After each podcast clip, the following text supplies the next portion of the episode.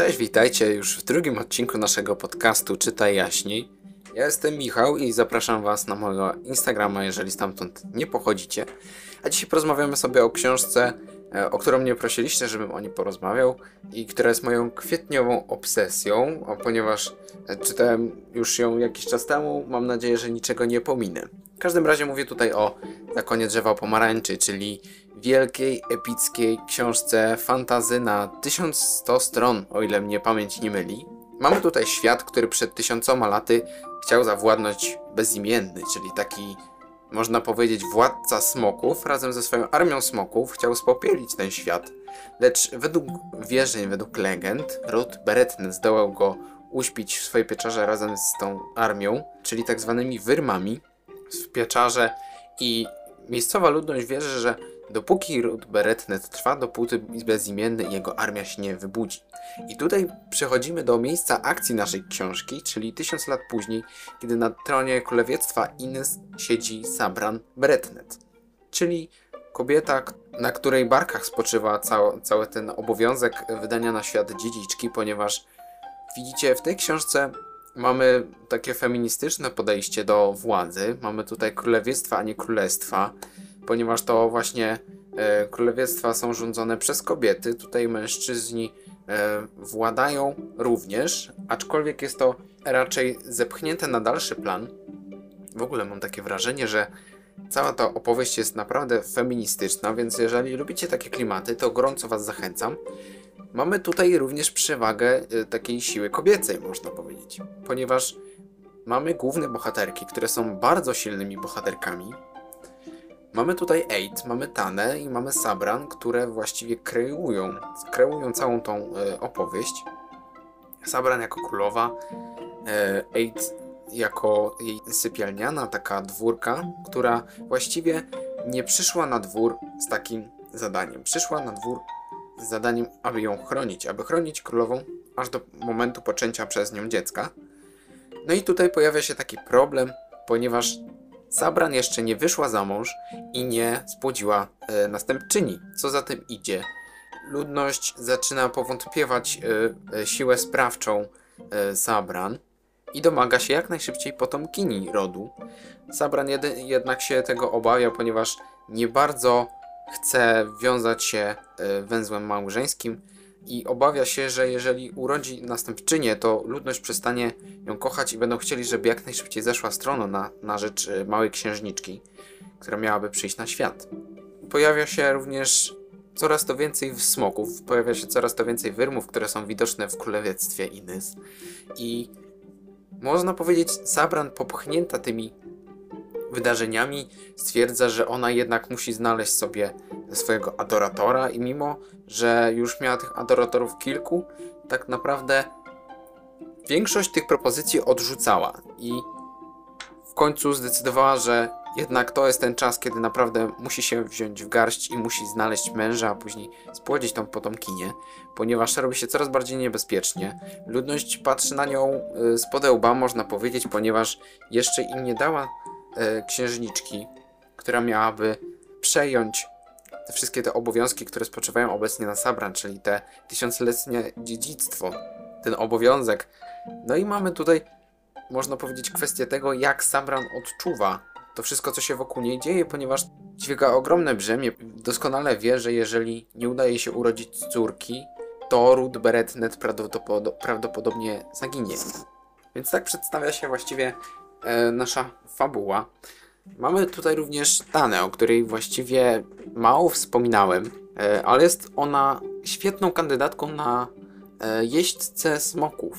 Czyli tak można powiedzieć, jak, sama naz- jak sam tytuł wskazuje, jest, jest to jeździec smoków, czyli um, osoby takie rangą, które po wielu testach, po wielu próbach mogą dosiąść smoka i wraz, i wraz z tym smokiem iść przez życie, czyli e, można powiedzieć, że smoki w kulturze japońskiej, bo tym się inspirowała Samantha Shannon tworząc y, ten kierunek y, historii, czyli wschód, bo mamy tutaj książkę podzieloną na wschód, zachód i południe. O południu wie, wiemy troszeczkę mniej, jednak nie znaczy to, że jest mniej interesujące, ponieważ dzieją się tam naprawdę ciekawe rzeczy dla fabuły. No ale wróćmy może na wschód. E, smoki są traktowane jak bogowie. I taką samą, może troszeczkę mniejszą rangą są traktowani jeźdźcy smoków, ponieważ to smok wybiera, przynajmniej takie odniosłem wrażenie podczas e, tych prób, których mieliśmy okazję być świadkami. E, sami wybierają sobie jeźdźców, czy się nadają na tych jeźdźców, czy się zgodzą, że aby ta osoba, która przeszła, e, można powiedzieć, takie egzaminy, mogła ich dosiadać. No i tutaj właśnie Tane o niczym innym nie marzy, ponieważ jest sierotą, niestety, i marzy tylko o tym właśnie, żeby zostać jeźdźcem smoków. Czy jej się to udaje, czy nie, to tego dowiecie się czytając książkę. Bardzo Was do tego zachęcam. Jednocześnie trzeba też o tym powiedzieć, że Shannon zastosowała tu istną układankę. Istną układankę na 1100 stron. I słuchajcie, to nie jest żadna uknuta intryga. Oczywiście intrygi też się tu pojawiają, ale zostajemy wrzuceni na głęboką wodę, ponieważ pierwsza część, jeżeli macie wydanie od, y, w miękkiej oprawie od SQN-u, to będziecie wiedzieć o co mi mniej więcej chodzi. W każdym razie, pierwsza część bardziej się skupia na takim przedstawieniu tych wszystkich legend, religii, wierzeń, ludności i kultur. I Shannon naprawdę dała popis, jeżeli chodzi o research, ponieważ jest tutaj on naprawdę, naprawdę ogromny i za to ogromne szapoba, ponieważ to ile tutaj możemy znaleźć odniesień do naszej rzeczywistości. Jeszcze tak tylko wspomnę, że możemy usłyszeć z, z wywiadów, że Shannon inspirowała się dosyć mocno, co myślę, że dla osób, które czytały tę legendę, tę wersję legend, będzie dosyć oczywiste. Inspirowała się legendą o Świętymierze, ma właściwie jej kilkoma wersjami, ponieważ podobno nie było ich mało. Niektóre były dosyć brutalne i z tego, co e, możemy też e, wysłuchać z jej wywiadu, który znajduje się u bestsellerek, także zapraszam do dziewczyn, ponieważ wywiad przeprowadziły naprawdę świetnie. Mówi też o feministycznej części tej powieści, ponieważ jak przeczytacie, to poznacie, że rzeczywiście ta powieść jest naprawdę feministyczna i te wątki kobiece są tutaj bardziej rozwijane niż męskie. Oczywiście męskie też są rozwijane i mężczyźni są tu dosyć ważnym elementem tej całości, ponieważ również oni mają tu pewne momenty, e, w których są narratorami, czyli e, możemy też spojrzeć na historię, właściwie ich historię, jak się w pewnym momencie przetacza e, to wszystko z ich perspektywy, jak oni na to patrzą i co się u nich dzieje, bo to, co się u nich dzieje, nie jest jednoznaczne z tym, co się dzieje u bohaterek. Trochę masło maślane, ale mam nadzieję, że wiecie, wiecie o co mi chodzi. Nie są w tym samym momencie, nie są w tym samym jakby punkcie, którym znajdują się bohaterki, to znaczy są wysłani gdzie indziej, to dlaczego nie mogę wam powiedzieć. W każdym razie, naprawdę mężczyźni tu też odgrywają fajne role. Nie tylko kobiety wiodą prym, aczkolwiek w większości. No ale wracając do, e, do wywiadu z Samantą Shannon i feministycznej, feministycznego wątku tej powieści, Shannon wspominała, że jako dziecko brakowało jej takich kobiecych bohaterek, kogoś, kim mogłaby się tak inspirować, w kogo mogłaby się wczuwać, więc ta powieść jest naprawdę, naprawdę feministyczna. Mamy tutaj także związki, wątek miłosny, właściwie dwa wątki miłosne. Jest ich troszeczkę więcej, ale mamy takie dwa główne, których e, przedstawicielami są osoby LGBT. E, jeżeli lubicie takie wątki, to również Was zapraszam. Jednak ja miałem wrażenie, że jeden z tych wątków miłosnych był za bardzo wypchany naprzód, za bardzo nachalnie ukazany, tak jakby autorka chciała pokazać wow, patrzcie, w tej książce jest LGBT, musicie przeczytać. Tak jakby to zupełnie było najważniejszą cechą tej książki, a tak nie jest. Natomiast drugi wątek miłosny, już taki e, tak skonstruowany nie jest, jest on dobrze przemyślany, jest on dobrze zbudowany, dzieje się to etapowo, za co e, naprawdę ją szanuję. Mi absolutnie takie wątki nie przeszkadzają e, w książkach, ponieważ nie mnie to oceniać. Aczkolwiek muszę powiedzieć, że naprawdę ten jeden y, związek, ten pierwszy, o którym wam wspomniałem, nie był zbyt fajnie zbudowany, ponieważ on właśnie był tak za, za bardzo napchany. Bardzo mi się podobało też w powieści tej, że bohaterowie mają na plecach swoją przeszłość, dźwigają ją i możemy dowiedzieć się o ich historii, część, a także możemy poznać ich e, perypetie w, w większym lub mniejszym szczególe, co robili kiedyś. Między innymi jedną z, takich, z takich postaci, myślę, że jest to jedna z ciekawszych postaci w tej książce, jest Niklas, doktor Niklas Ross, który został wygnany z królewictwa Inys przez Zabran za to, że nie zdołał wypełnić zadania, którego nie zdołał wypełnić, więc on został wygnany na, na wschód, gdzie odbywa karę i wygnanie. Minęło już od tego czasu wiele lat, ale on mimo wszystko uprasza cały czas Zabran, aby pozwoliła mu wrócić z wygnania, ponieważ nie, zna, nie skazała go na chwilę, lecz naprawdę na, naprawdę na długi czas. I Niklas bardzo, bardzo tęskni do swojej ojczyzny. Ale i także jego motywacje do przyszłych działań, do tego, czym się będzie kierował w przyszłości, będzie również bardzo, naprawdę bardzo ciekawe, ponieważ wszystkie jego działania są ściśle związane z jego wątkiem miłosnym, którego możemy być takimi świadkami właściwie retrospekcji, jak to kiedyś wyglądało. I od tego to wszystko zależy, czym będzie się kierował. Więc naprawdę myślę, że to jest jedna z bardziej interesujących e, postaci e, w tej fabule, ale nie umniejszam tutaj ani Tane, ani Eid, ani Sabran, ponieważ Sabran również jest, jest równie interesującą postacią, z racji tego, że jest królową, zwłaszcza, że Zwłaszcza, że to ona dźwiga te tysiącletnie dziedzictwo, że to na jej barkach, jak powiedziałem, spoczywa e, obowiązek e, spłodzenia następczyni i to, jak ona sobie radzi z tym psychicznie, jest myślę, że naprawdę dobrze ukazane. I wewnętrzne jakieś tam przemyślenia, to jak ona odbiera pewne rzeczy, może wewnętrzne przemyślenia to za dużo powiedziane, ponieważ mamy tu narrację trzecioosobową, ale ja czytając tą książkę miałem właśnie takie wrażenie, że możemy jakby spojrzeć na to, jak, w jaki sposób ona myśli o tym wszystkim, ale również dowiadujemy się z tego e, z dialogów, które mm, wytaczają się pomiędzy bohaterami, a szczególnie między Eid a Sabran. Chociaż nie wiem, czy to nie jest za dużo powiedziane, ale, ale mam nadzieję, że wam nic tutaj nie zaspoilerowałem. W każdym razie, głównie na początku, mimo że pierwszą sceną jest wschód, yy, scena z Nikolasem, tak możemy w większości operować na historii 8, która pochodzi właśnie e, z południa, której zadaniem było chronić Sabran do momentu jej poczęcia dziecka.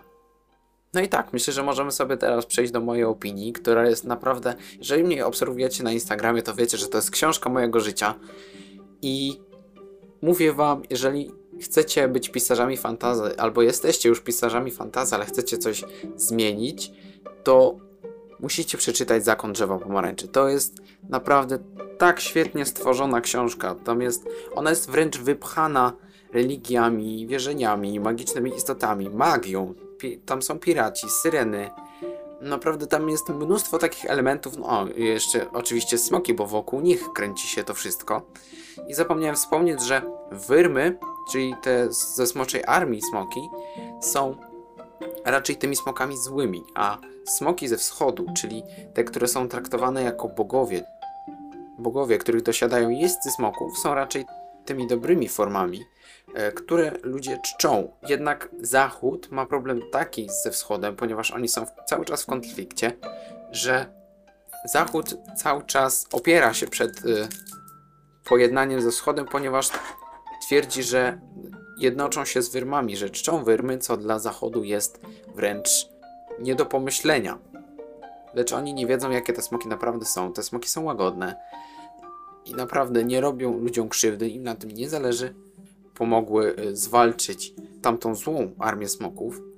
Ale wracając do mojej opinii, bo przecież na to czekacie, książka mojego życia, jak już wspomniałem. Myślę, że jest to fantastyczna opowieść o odwadze. Jest to fantastyczna opowieść przede wszystkim z gatunku fantazy, epickiego fantazy. Tutaj również z takiego gatunku epickiego fantazy możemy znaleźć również maga bitewnego, który nijak nie umywa się naprawdę do zakonu drzewa pomarańczy.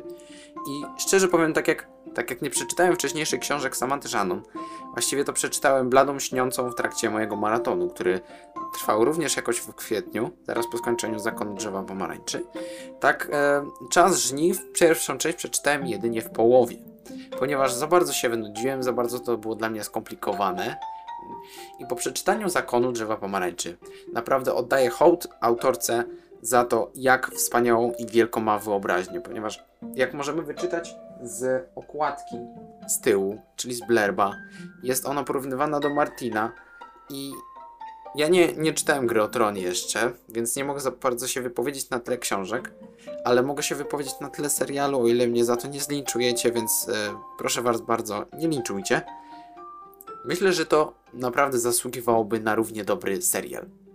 Ale jest to powieść jednotomowa, więc raczej się nie doczekamy niczego więcej. Jednakowoż ta pozycja naprawdę zachęciła mnie, abym ponownie sięgnął podczas żniw.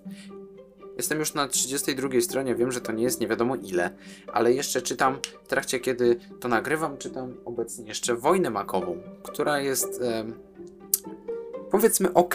Na ten czas, e, kiedy czytam, jest ok, ale dokładnie co o niej myślę, dokładna analiza pojawi się później. Mam nadzieję, że już na dniach. Za, zależy od tego, kiedy wy tego słuchacie. Ale wracając, dla kogo jest Zakon Drzewa Pomarańczy? Myślę, że dla wszystkich fanów, prawdziwych fanów gatunku fantasy. Myślę, że dla fanów Martina.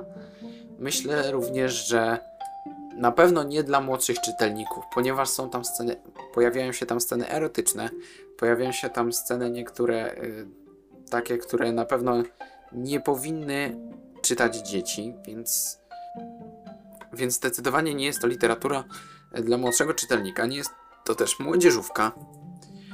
Jest to klasyczny epic fantasy. Tyle mogę wam powiedzieć. Ja kocham tą książkę nad życie, stawiam jej miliony, miliardy, a nawet biliony na 10. Jest to książka mojego życia. Chyba nigdy w życiu nie przeczytałem niczego tak dobrego. Naprawdę zżyłem się z tymi bohaterami naprawdę, naprawdę mocno i nie chciałem się z nimi rozstawać. Pamiętam, że moment, w którym kończyłem książkę i zobaczyłem, że zostały mi tylko dwie strony, był dla mnie naprawdę, naprawdę okropny. Pomyślałem, że kurczę, to już jest koniec, więcej nie będzie, ale ta historia się tak świetnie skończyła, że mimo wszystko nie mam po niej niedosytu. Tutaj wszystko się skończyło tak jak trzeba. Shannon również każdej postaci dała tyle czasu, ile trzeba, ponieważ mamy tutaj książkę na wielkość 1100 stron, a to jest wystarczająco, myślę, dużo, aby zmieścić naprawdę fajną historię, połączyć ze świetnie wykreowanymi bohaterami i świetnie wykreowanym światem, który jest naprawdę, naprawdę szczegółowy. Także żaden wątek myślę, że nie został tutaj pominięty. Wszystko zostało bardzo, bardzo dobrze przemyślane. Jedynie co mogę wam powiedzieć, czytajcie koniecznie. Jeżeli znudzicie się, a absolutnie nie będę z tym zdziwiony, jeżeli część z was znudzi się po pierwszym tomie, ponieważ może nie dzieje się tam za dużo, ale jest tam tyle tych legend, tyle tych wierzeń, to mamy tam wszystko przedstawione. To jest taki, można powiedzieć, wstęp. Pierwsza część to jest taką właśnie taką układanką, tymi, takimi puzzlami, a drugą, w drugiej części autorka już zupełnie się tym wszystkim bawi i pokazuje nam, jak z tego, co nam przedstawiła, można rozwinąć coś fajnego. I to naprawdę mi się podobało, ten rozwój tej historii, ponieważ to wszystko nabiera takiego mocnego, naprawdę mocnego tempa myślę, że nie pożałujecie, jeżeli przebrniecie nawet przez pierwszą część. Ja nie mogę powiedzieć, że przebrnąłem, tylko się zachwycałem tą książką. Nie jest to książka, którą można sobie powiedzmy popuścić, tylko trzeba się nad nią rzeczywiście pierwszej części skupić, ponieważ tam wchodzi ogromnie dużo nowych rzeczy, tych nowych legend, tych e, religii. Musimy zrozumieć e, zasady działania tego świata, zasady działania e, i postępowania ludzi, którzy mieszkają w tych królestwach, królewiectwach. A to przede wszystkim jest bardzo ważne, żeby wczuć się w tą historię. Ja zachwycałem się tą historią, czytając pierwszą część, druga również mi się bardzo podobała. Ale tak jak e, już wspominałem, jest to opowieść jednotomowa, to zależy tylko od wydania, ale mam wrażenie, że tu jednak mimo wszystko widać, że wydawnictwo SQN bardzo dobrze podzieliło tą książkę w odpowiednim momencie, ponieważ naprawdę widać ten przeskok między opowiadaniem zasad działania świata, a już taką pełnoprawną akcją i zabawą między bohaterami a tym światem i wydarzeniami. Więc naprawdę bardzo gorąco polecam Wam tą książkę. Myślę, że nie pożałujecie, ale tak jak powiedziałem, część osób może się wynudzić. Ja się nie wynudziłem, ja byłem tym zafascynowany, mogę wręcz powiedzieć. Ja sam trochę piszę i dla mnie było to naprawdę mega, mega zachwycające, ile człowiek jest w stanie stworzyć w książce, jak dokładnie może wszystko stworzyć. Więc powtórzę, jeżeli jesteście pisarzami, to będzie dla Was świetna pozycja i naprawdę gorąco, gorąco Was zachęcam do tego, abyście jednak przeczytali Zakon Drzewa Pomarańczy. Naprawdę ta książka zmienia podejście, a przynajmniej u mnie zmieniła podejście do innych książek z tego gatunku. I pokazuje, że autor jest w stanie wycisnąć z historii, jaką wymyśli, tyle, ile się da. Nie pomijając żadnego wątku, nie pomijając kompletnie nic i dodając takie szczegóły, że to się w głowie nie mieści. Dodatkowo nie wspomniałem o języku, który jest po prostu świetny. Dialogi są stylizowane na czasy, takie, kiedy możemy się przenieść na ten królewiecki dwór. Także Shannon, naprawdę ogromne, ogromne brawo. Kajam się przed tobą, bo to, co stworzyłaś, to po prostu jest niesamowite. No i co? Myślę, że już będziemy zbliżać się do końca. Ja Wam dziękuję za wysłuchanie mojego podcastu Czytaj Jaśniej. Zapraszam Was na następne odcinki, a mam wrażenie, że w następnym odcinku pojawi się Wojna Makowa, o której Wam opowiem może troszeczkę więcej niż powiedziałem o zakonie, ponieważ będę świeżo po jej przeczytaniu. Dzisiaj to jest 4 maja, zamierzam Wojnę Makową skończyć i na dniach nagrać kolejny podcast o wojnie makowej. Zobaczymy, jak mi to wyjdzie, ponieważ do zakonu podchodzę już chyba po raz czwarty. Za każdym razem coś było nie tak. Także jeszcze raz Wam dziękuję za to, że przyszliście, że posłuchaliście i zapraszam Was na mój profil na Instagramie, gdzie możecie przeczytać mniej chaotyczną recenzję o zakonie drzewa pomarańczy. Jest ona skrócona, ponieważ nie można e, do opisu wiadomo wsadzić nie wiadomo ile, tak jak już wspomniałem w poprzednim podcaście, jeżeli słuchaliście. Więc życzę Wam miłego dnia lub wieczoru, zależy od tego, kiedy tego słuchacie, i widzimy się w następnym podcaście. Pa!